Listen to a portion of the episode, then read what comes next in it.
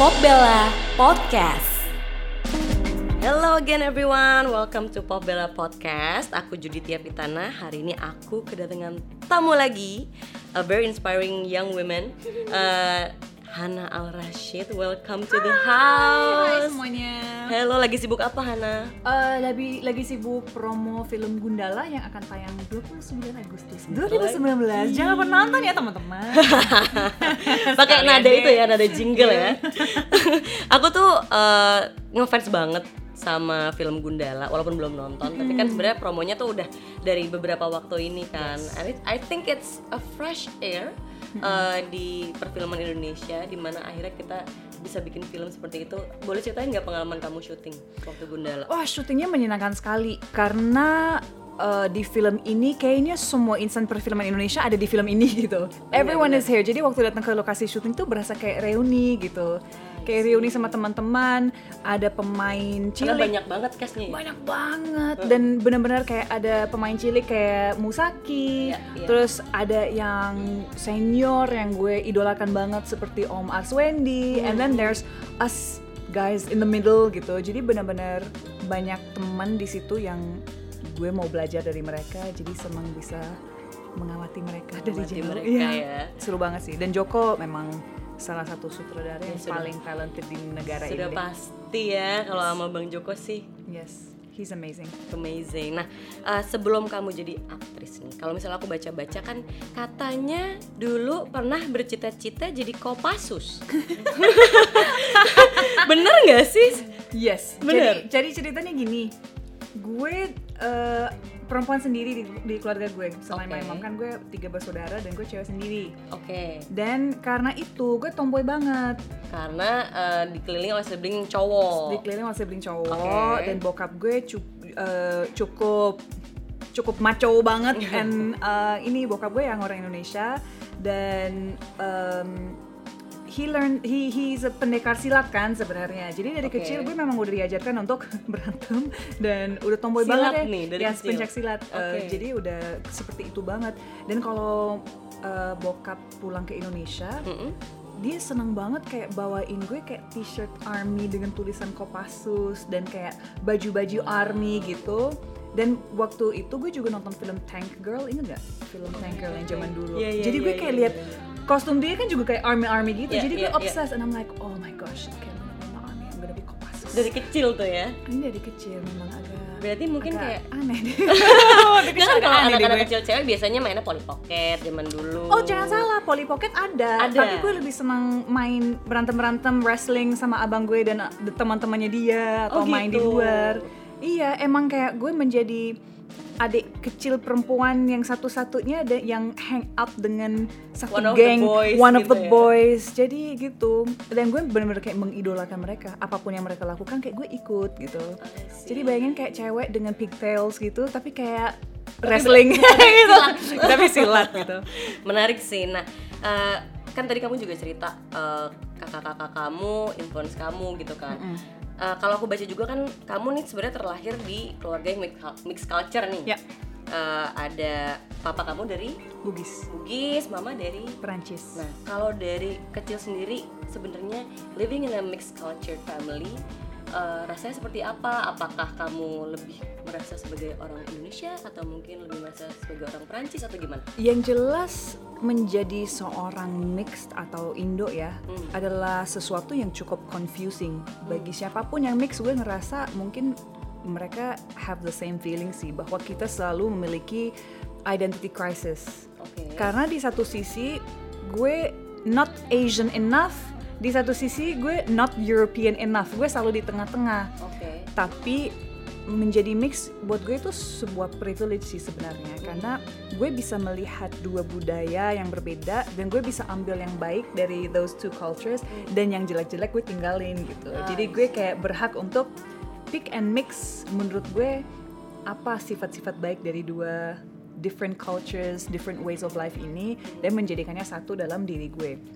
Tapi waktu gue kecil tuh gue hampir nggak pernah ke Indonesia. Tapi entah kenapa bokap gue adalah contoh diaspora Indonesia di Inggris itu yang sangat patriot gitu dan sangat sangat menginginkan anaknya menjadi Indonesian. Jadi di rumah kita tuh our house is full of uh, hal-hal dari Indonesia. Adat istiadat istiadatnya di, di dalam rumah itu Indonesian. Jadi kayak kita diajarkan untuk cium tangan sama orang Oh, itu atau dari kecil tuh oh dari kecil oh itu. itu udah kayak diindoktrinasi dari kecil sama bokap gitu oke. ketemu orang yang lebih tua kita cium tangan kalau makan it's all Indonesian food dan kita makan pakai tangan gitu Ah, that's interesting. Iya, waktu gue umur 4 tahun gue disuruh ikut kelas gamelan di London. Oh, Ikut silat, itu ikut nari, atau ekskul. Jadi kayak memang uh, bokap cukup aktif dalam komunitas Indonesia di Inggris dan dari situ ya udah disuruh ikut. Jadi dari kecil tuh kayak gue ingat banget ada satu kejadian waktu ada teman SD gue orang bule lagi main ke rumah. Tiba-tiba kan setiap weekend bokap gue selalu kedatangan tamu-tamu teman Indonesia yang lagi di Inggris gitu. Tiba-tiba kayak uh, the doorbell rings terus ada om siapa gitu yang masuk kayak terus bokap gue bisa teriak Han Salim ada om Rahmat atau siapa gitu terus gue kayak aduh gue liat teman bule gue langsung kayak Wah, udah lo di sini aja deh gitu jadi gue samperin si om ini dan gue cium tangan nah Oke. teman bule gue di belakang ikut terus dia kayak Oh, "Why?" serius? Dia Iya. ikut cium tangan? Dia maksudnya nggak ikut cium tangan, maksudnya dia ikut Melihat. melihat dan dia Oke. abis itu kita balik ke kamar gue dia kayak "Eh, lo kenapa sih cium tangan orang?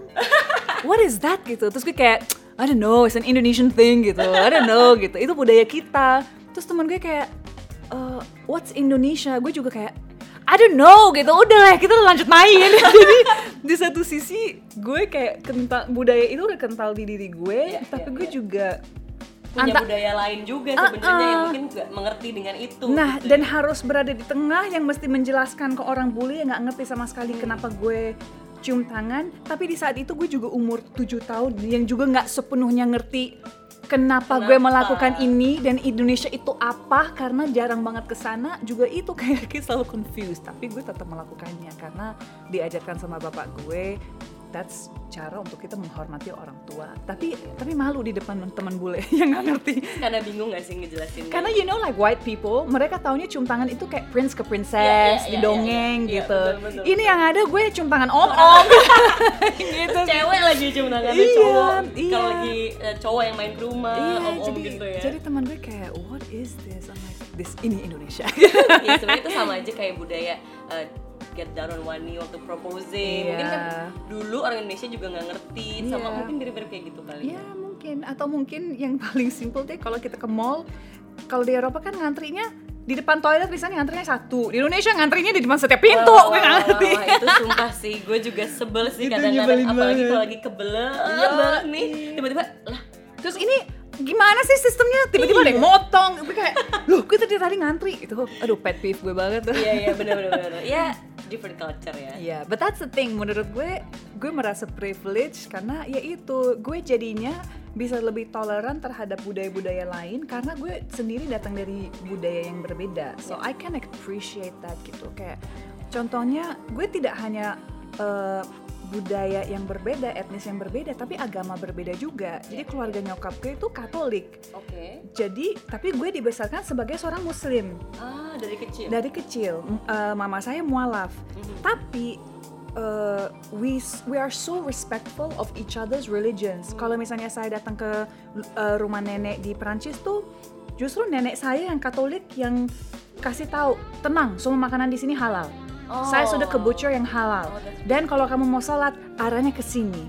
Terus Oh, Terus dia memang benar-benar kayak apa pun eh, misalnya pork yang tadinya mereka ada, kalau ada cucu-cucunya dari London, no pork. Memang benar-benar mereka respect itu. Sampai saya pernah di Spanyol dulu, terus karena Spanyol is, is Catholic, Ya.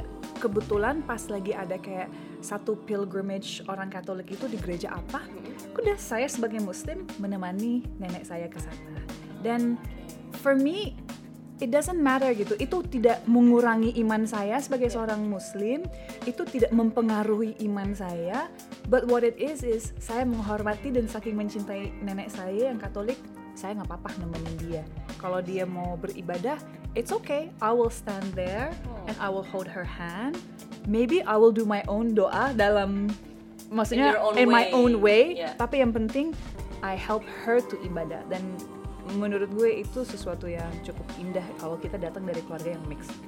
bener-bener bineka tunggal ika ya asli. Itu baru tuh tunggal Yes, ika. I nah believe so. nah kalau misalnya kita lagi ngobrolin uh, perbedaan kultur. Mm-mm. uh, kamu kan udah pernah tinggal di luar lama tinggal di sini juga gitu. Ya. ada nggak sih kayak perbandingan kesetaraan gender?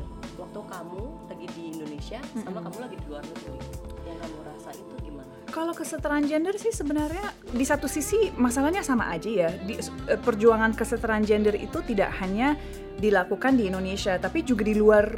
Biarpun di, udah dianggap lebih advance dibandingkan kita, tapi di sana pun masih ada masalah ketidaksetaraan gitu. Oke. Cuman memang ada beberapa hal yang jelas-jelas berbeda. Contohnya ya di Eropa eh, di Eropa mungkin tadinya society yang patriark yang patriarkis, tapi sekarang dengan adanya kesadaran atas emansipasi perempuan atau kesetaraan gender, cenderungnya kesempatan untuk perempuan lebih banyak. Dan eh, dan cara laki-laki eh, memperlakukan perempuan di sana lebih dengan lebih hormat dan dengan lebih appreciate dibandingkan di Indonesia. Contoh yang paling kecilnya gini deh, catcalling. hmm. Catcalling di Inggris itu thing here itu terjadi tapi tidak sesering di sini. Iya, di iya. sini waktu gue pindah ke sini tuh itu mungkin Shock nggak? Oh gue shock. Setiap hari, oh ya setiap hari ada yang mengalaminya. ada yang catcall kamu setiap hari Every day. Kalau gue keluar kos, gue jalan ke pangkalan ojek, gue jalan Oh, ke mana, ya, kebayang sih dan gue nggak tahu apakah gue lebih menjadi target karena gue dianggap bule. Hmm. Jadi mereka ngerasa fine fine aja untuk melakukan orang itu nih, ke orang gitu asing ya. daripada ke orang eh, Indonesia. Iya, iya, iya. Tapi setiap hari dan itu buat gue agak shocking. Eh, lebih shocking lagi mungkin memang em, melihat bahwa pendapat beberapa orang di Indonesia masih menganggap perempuan second class citizen karena eh, budaya patriarkis kita ma- masih cukup kental di sini. Perbedaannya itu sih. cukup kental nggak sih sebenarnya kan kamu I berarti kan so. merasakan itu first hand kan you being Yeah. catcalled waktu kamu Yeah. nyampe sini Yeah. shock gitu Eh, padahal katanya kan kita sebenarnya budaya yang konservatif mungkin orang-orang berpikir bahwa justru di Indonesia pasti orang-orang lebih sopan itu gitu kan, kan, ya. Well, this is what what it shows kan sebenarnya kalau mau jahat ya jahat aja. Jahat itu nggak mengenal agama, ras, apa. Sebenarnya mau jahat jahat aja. Hmm. Masalahnya kalau kita collectively berpikir eh, misalnya kalau kita collectively merasa bahwa sah-sah aja melakukan itu tuh nggak apa-apa. Hmm. Then it creates a culture di mana ada victim blaming. Ya. Terus kalau misalnya ada perempuan yang eh, mengangkat bicara tentang isu ini malah dihujat karena dia melawan norma dan oleh netizen Ya, tidak, tapi tidak hanya netizen loh. Maksudnya, even kadang kalau saya perhatiin selama saya beradvokasi tentang isu perempuannya, kalau di Indonesia tuh banyak sekali yang saya dapat message dari orang yang kayak dari keluarga mereka sendiri juga tidak support. Dari keluarga mereka sendiri juga mereka ngerasa gak bisa cerita ke keluarga, makanya cerita ke gue. Terus gue kayak, oh my god, siapa gue gitu? Like, who am I? iya iya iya I'm no kan one, but it's I find that quite powerful di mana selama ini gue beradvokasi dan dapat DM dari orang yang mengalami pelecehan dan mengaku ini pertama kali kak saya cerita ke orang, bahkan ke keluarga saya sendiri gak pernah. On the one hand, it makes me feel quite bad bahwa orang tersebut tidak punya support system dari orang terdekat dia sendiri. On the other hand, itu kayak memperkuat my feeling bahwa oke, saya harus terus berjuang. Justru untuk orang-orang yang merasa tidak punya support system. Gak apa-apa. At least gue bisa menjadi support system walaupun kita nggak kenal. Iya, iya, like it's iya. on Instagram gitu, kita nggak kenal. Nah, backtrack sedikit nih. Eh, kan awalnya kalau aku nggak salah ya, kalau aku perhatiin awalnya eh, kamu tadinya suka sharing-sharing tentang isu eh, itu kan di Instagram. Sebenarnya kamu expect nggak sih ternyata sampai ada orang DM curhat? nggak Awalnya expect, tuh nggak expect itu sih sebenarnya. sampai orang-orang tuh uh, feel so related to you padahal you you didn't expect it tuh can you tell us the process Well, I didn't expect it karena waktu itu um, jadi advokasi gue itu berangkat dari pengalaman gue sendiri, di mana gue mengalami pelecehan di ruang publik dan gue udah sampai satu titik gue gue kayak udah cukup nih, cukup dan gue ngerasa kalau gue menyimpan cerita gue untuk diri gue sendiri, I can't change anything. Yeah. Tapi kalau gue cerita secara publik tentang pengalaman gue, mungkin pertama itu akan membantu korban-korban lain kedua itu akan eh, membuat kesadaran uh, di masyarakat bahwa ini adalah isu yang sebenarnya cukup common. Hmm. Jadi waktu itu gue memutuskan untuk nulis artikel untuk sebuah um, publikasi online Oke. dan dari situ justru tiba-tiba dapat banyak message. And I wasn't expecting it karena ya sebenarnya ini adalah curah, saya curahan hati, curahan Ya. hati gue sih sebenarnya Ya, dengan ya. kekesalan gue, frustasi gue uh, mengenai this issue. Berangkat dari shock-shock catcalling dan berlanjut Exactly. lain-lain gitu Jadi ya. itu tadinya sebenarnya gue menulis dan ngomong itu sebenarnya menjadi sebuah terapi juga sih buat gue kayak oh I need to get it out there. Hmm. Tiba-tiba di message banyak orang, I was like oh wow. Yang membuat gue paling shock ternyata gue nggak sendiri dan ternyata banyak banget perempuan mengalami hal yang sama. Tapi That made mungkin me belum berani untuk speak up Exactly. gitu ya. Jadi gue ngerasa dengan gue speak up, orang-orang lain mulai speak up. Biarpun itu hanya lewat DM, tapi itu adalah sebuah kemajuan sih buat gue. And what I felt is really important. Gue nggak pernah suka ya dianggap sebagai artis atau public figure atau apa.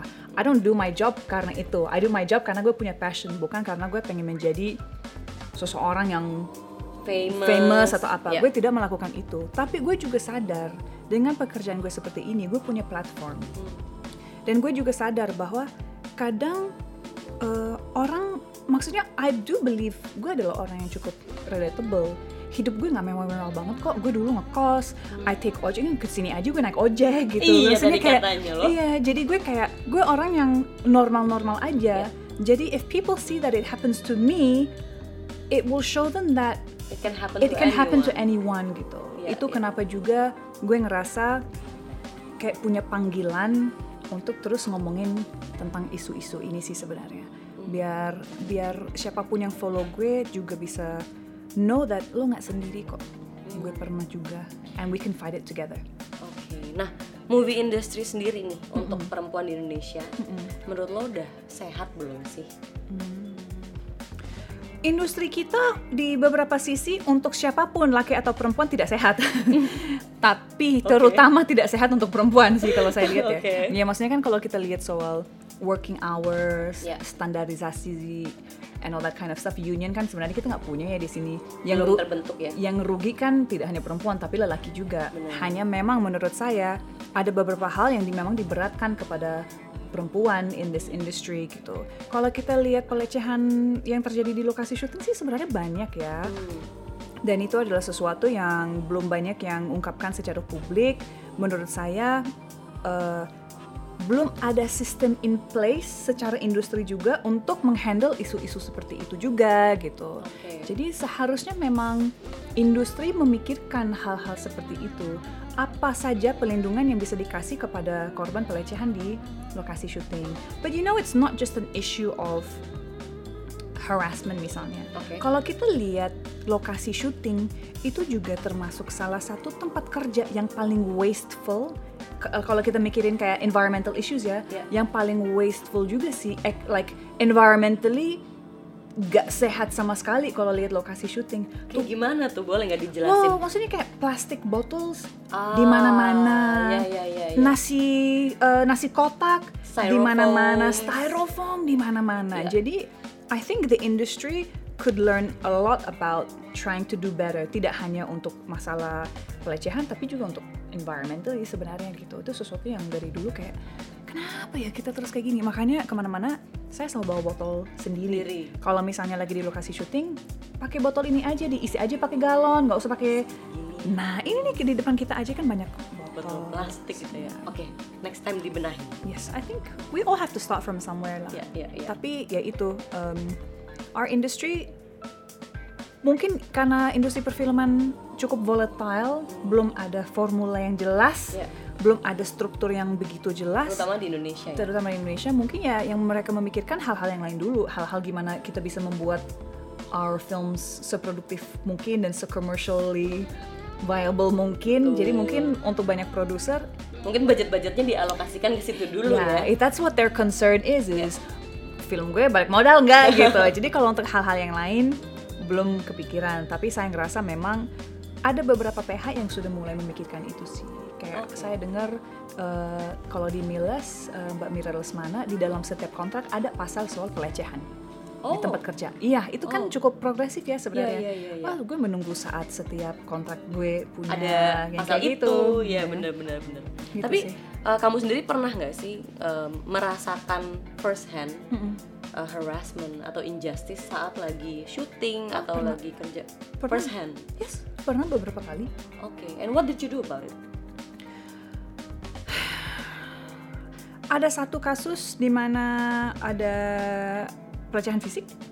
really Yes, di mana orangnya saya dorong, saya jelas-jelas secara fisik menunjukkan bahwa saya tidak setuju dan tidak mau digituin. Orangnya saya dorong dan saya lapor waktu itu ke sutradara yang kemudian lapor ke produser. Untungnya sutradara dan produser ini actually cukup menjadi ally buat perempuan-perempuan di produksi itu. Hmm. Mereka memang pengen menghandle ini tapi tentunya dengan sesensitif mungkin. Karena kita juga tahu loh bahwa eh, ini di mainstream media atau di dalam masyarakat kita pada dasarnya ada misconception bahwa kalau ada pelecehan terjadi kesalahannya selalu di perempuan Hmm, victim blaming ya victim blaming kan gitu jadi kayaknya mereka juga juga sadar akan itu dan mereka nggak mau ini terungkap secara kayak blow up gitu gimana caranya kita bisa menghandle-nya antara kita aja. Sampai kan sempat ditanyain sama sutradara karena pada saat itu tidak hanya saya ada satu perempuan lagi di produksi itu yang juga kena. Jadi korban juga. Jadi korban juga sama pelaku yang sama. Oh jadi sempat disamperin kayak kamu mau nggak nulis pernyataan nanti kita bisa sampaikan kepada orangnya kita bisa kasih SP atau apa gitu. Yang gue lihatnya itu sebagai niat yang sangat baik ya Hmm. dari produser dan sutradara who are actually lelaki. Jadi Ah. merasa punya ally di situ. Ya. Tapi di sisi lain, saya dan korban yang satunya juga harus memikirkan ini akan berdampak negatif nggak sih ke karir saya sendiri Hmm? kalau saya mengungkapkan ini.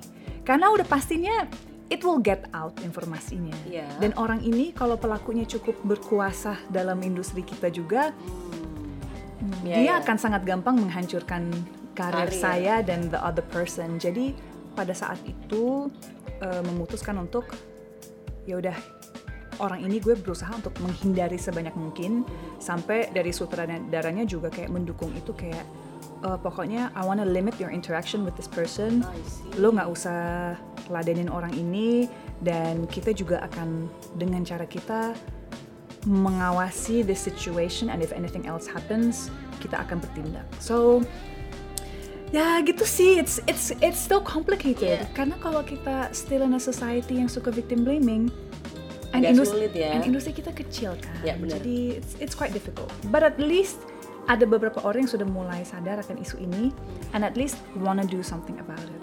Coba deh kalau misalnya di dalam kontrak memang ada pasal yang khusus tentang ini Hmm. dengan sangat gampang gue akan bilang this pasal is now in effect. Ya betul. Do something about it.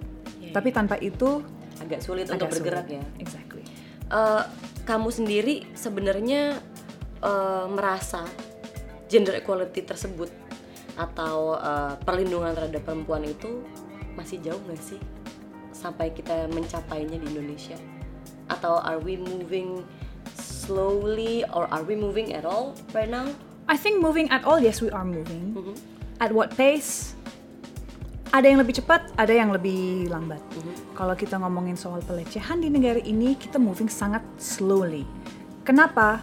Karena udah lima tahun ada eh, RUU penghapusan kekerasan seksual yang masih sampai sekarang Masih rencana? masih rencana dan tidak disahkan. Ya. Padahal kita sudah lihat di media bahwa makin banyak kasus yang diviralkan, makin banyak publik yang makin banyak publik yang sadar akan isu ini.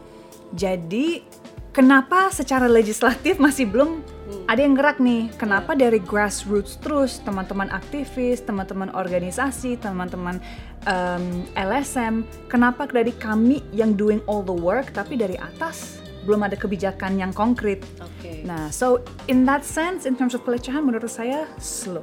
Walaupun kesadaran publik makin meningkat Makin dan itu ya. semua thanks to teman-teman aktivis. Tapi in others, in other side, kalau misalnya kita lihat kesetaraan dalam kesempatan untuk bekerja dan em, berperan dalam ekonomi negara, sebenarnya perempuan sangat berperan. Mhm. Actually gitu. sudah jauh lebih baik Sudah jauh. beberapa tahun lalu ya. Yes, tapi at the same time, misalnya kayak untuk pendidikan kita juga actually getting better. Makin banyak, an- uh, makin banyak perempuan yang masuk university, ma- makin banyak yang masuk job market. Hanya masalahnya masih banyak yang masuk job market di level yang itu aja. Decision making di level eksekutif masih dikit. Ya. Kenapa itu menjadi masalah? kalau kita tidak punya perempuan-perempuan di level atas, di executive positions, di position kementerian, di position CEO, kebijakan-kebijakan yang actually akan help perempuan yang di bawahnya akan, Akan jarang. moving slowly ya. Exactly. That's why kita butuh perempuan-perempuan in positions of power. Di industri perfilman sebenarnya juga kayak gitu. Gue I'm so proud of film Dua Garis Biru Hmm. yang disutradarai dan ditulis oleh Mbak Gina. Itu membuat for me hope. Kenapa? Dan kita bisa membuktikan loh bahwa film dengan perspektif perempuan, perspektif seorang ibu, perspektif keluarga yang komunikatif itu sebenarnya bisa laku. So I think that's very important loh bahwa and itu juga dicerminkan di industri Hollywood sih sebenarnya. Industri perfilman di Hollywood juga sekarang over the past five years makin banyak cerita yang female perspective, female directors, Ya, ya. main female characters dan ternyata laku. Dan bukan hanya uh, dari kulit putih aja, Exactly. tapi sudah mulai makin juga banyak ya. diversity. Walaupun untuk diversity mereka masih jauh banget ya. PR-nya mereka banyak banget, man. Itu kayaknya another homework for them. Yo, so I think it's getting better. Yeah. Tapi mungkin specific aspects of kesetaraan gender masih pace-nya berbeda-beda. Kayak political representation sebenarnya di Indonesia udah cukup meningkat loh perempuan yang menjadi caleg atau perempuan yang akhirnya dilantik menjadi legislator atau apa sebenarnya makin banyak. Tapi kita juga harus memikirkan kayak buat gue ya, if you're in a position of power sebagai seorang perempuan, menurut gue lu punya kayak tanggung jawab untuk represent women and help other women naik. Ya. Nah, orang-orang yang in those positions, apakah mereka melakukan itu atau tidak? Hmm. That's what we have to think. Yes, I think uh, it's a homework within a homework. Yes. Pokoknya PR kita banyak. PR banyak ya. Oke, last but not least, uh, your journey to love all your flaws dan pesan untuk perempuan milenial dan Gen Z untuk bisa lebih mencintai diri sendiri. Untuk lebih cintai diri sendiri, pertama di era digital, it's quite difficult ya, karena kita dibombardir dengan image-image atau pencitraan yang dana tanda kutip perfect body, perfect look, perfect Yeah. ini, perfect itu. The first way to respect yourself and to love yourself is jangan dengerin hal-hal kayak gitu. Kita harus mulai inklusif. Kita harus benar-benar bersyukur atas apa yang kita udah dikasih sama Tuhan dan kita harus pede dengan apa yang kita udah dikasih dan please jangan jangan terlalu jangan terlalu think too much about what other people think. Yang penting what we think. Yang penting what orang-orang di, sekat- di sekitar kita yang kita sayangi what they think about us. Sekarang kita sudah menciptakan monster yang namanya netizen. netizen itu sebenarnya adalah monster baru di Yeah. masyarakat kita. yang bisa attack self confidence ya sometimes. yang bisa attack self confidence gue aja pernah merasakan itu Hmm. and I wanna say kita nggak boleh kasih power yang berlebihan kepada monster baru ini apalagi kenapa saya bilang monster karena yang tulisnya yang negatif ya Ya, ya, kalau yang ya. tulisnya positif diterima aja alhamdulillah tapi kan this whole issue sekarang dengan netizen netizen adalah uh, negativity yang ditimbulkan from their actions and their comments so to love yourself you really have to appreciate what you have and um, be aware of your privilege sih. Kayak itu sih buat buat gue. Nice, oke, thank you so much. Uh, abis ini dihujat netizen. Jangan dong, ya udah kalau dihujat blok aja. Blok aja. Nggak usah didengerin. Lo tau nggak? Gue hidup gue jadi lebih tenang saat gue mengetahui dan ini belum lama loh mengetahui bahwa di Instagram kita bisa mute orang. Iya, aduh kenapa baru Gila, tahu? gue kayak kenapa baru tahu, men. Jadi kita nggak perlu hidup unfollow, kita nggak membuat bikinnya awkward Betul. unfollow, kita mute aja. aja, mereka nggak perlu tahu. Dipakai secara massal ya. Tuh tips dari Hana untuk tetap damai, Yeah. sejahtera. kalau ada yang nyebelin di mute aja Mute is your friend, ladies. Gitu. Iya, itu, itu sebenarnya berlaku di sosmed atau ataupun di real life sih Oh, real life juga. kayak ya udah Pokoknya siapa pun yang tidak menambahkan sesuatu yang positif di hidup lo, cut. Mungkin gue makin tua makin sadis sih. Gue tidak ber, gue tidak I like gue nggak per- keberatan sama sekali untuk mengkat orang yang membawa drama ke dalam hidup gue atau hal-hal yang negatif. tolong tos dulu dong pas aku suka banget nih Yes. bener no Iya. toxic ya No toxicity. hidup sudah penuh drama kak Asli. nggak usah tambah-tambahin tuh yang jelek-jelek Betul, benar betul sekali. oke thank you so much Terima Emma, kasih banyak. here. Thank you. Semangat teman-teman. Semangat. Oke tuh jadi Bella. Jadi kita manggil teman-teman Pop Bella tuh Bella. Oh. Bella jangan lupa untuk selalu dengerin Pop Bella podcast karena Yes. of course kita akan menghadirkan selalu perempuan-perempuan inspiratif uh, untuk kamu dengerin supaya kita bisa sama-sama belajar juga. And see you next episode. Bye. Bye.